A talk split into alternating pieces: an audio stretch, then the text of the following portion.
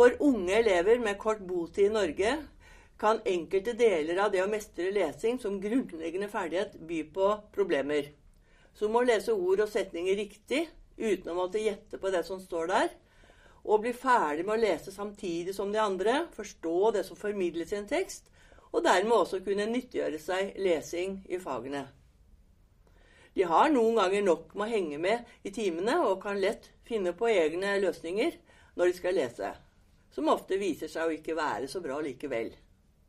Det er derfor viktig at alle lærere snakker med sine elever om det å lese i timene, og forklarer at de bare må si ifra når det er noe som blir vanskelig å få til.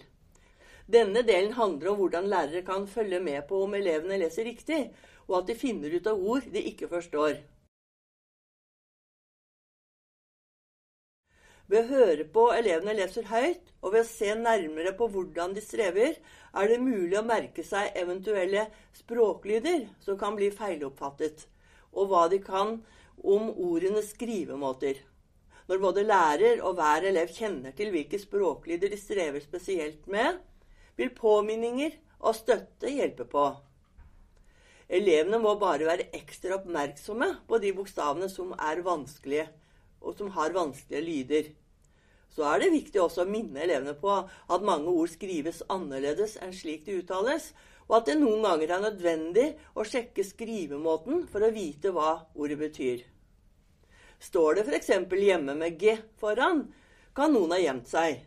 Mens det kan være noen som har gått hjem hvis det står en H foran. De uttales jo helt likt.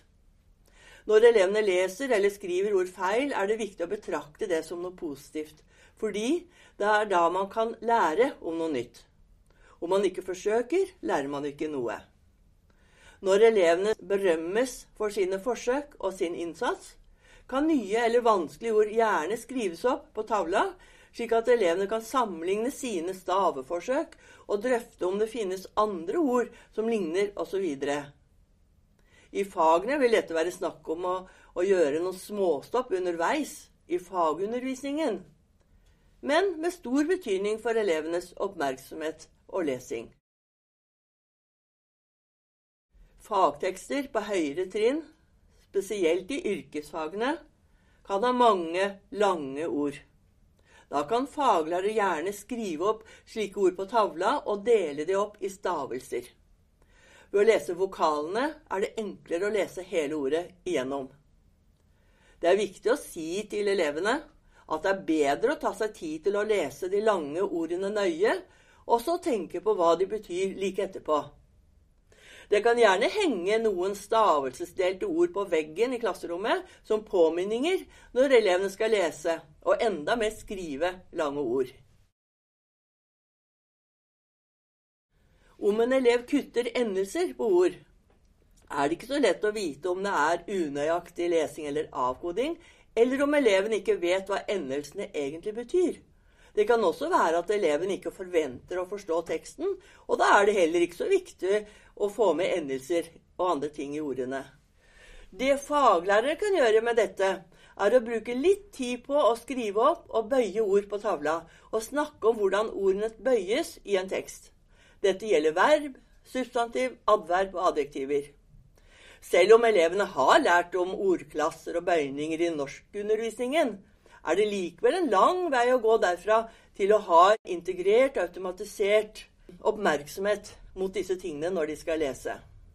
Da må de øve mye, og alle lærere må hjelpe til med det.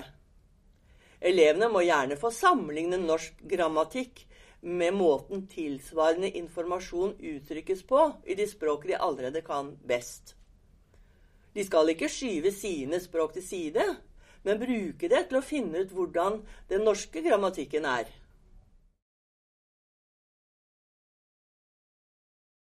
Fagene, spesielt de praktiske, har ofte mange lange og sammensatte ord. I sammensatte ord har den bakerste delen hovedinnholdet, mens delene foran kategoriserer og nyanserer. Ved å se på disse delene og samtidig sette ordet inn i en sammenheng det står i, kan det noen ganger være mulig å finne ut hva ordet betyr. Det er ikke alltid nødvendig å måtte søke på nettet for å finne ut hva et ord betyr, selv om det også er viktig å få til. Da må de lære at det er forskjell på en generell definisjon av ordet, slik de finner der, og den spesifikke betydningen det får i en bestemt sammenheng eller i det aktuelle faget. Det alle lærere kan gjøre, er av og til å skrive opp et sammensatt ord på tavla og vise hvordan det er mulig å se på de ulike delene, om de gir mening hver for seg, og så finne setningen det står i, og tenke på det mens man leser. Er det fortsatt vanskelig, er det nødvendig å søke det opp på nettet, så klart. Noe disse elevene må gjøre en god del også. Dersom elevene må lese tekster der det er veldig mange ukjente eller vanskelige ord, vil slike oppklaringer bli vanskelig å få til uansett framgangsmåte. Og det kan være fristende å gjøre som denne eleven en gang fortalte. Jeg bare sier ordene i timen, og da tror lærerne at jeg forstår de. Eller som andre har fortalt, jeg bare hopper over de. Det er derfor viktig å legge til rette for gode lesesituasjoner der elevene ikke møter på altfor mange utfordringer samtidig, slik at de tar jobben med å lese nøyaktig og bruke den kunnskapen de har til å finne ut hva ord betyr, og hva setninger betyr.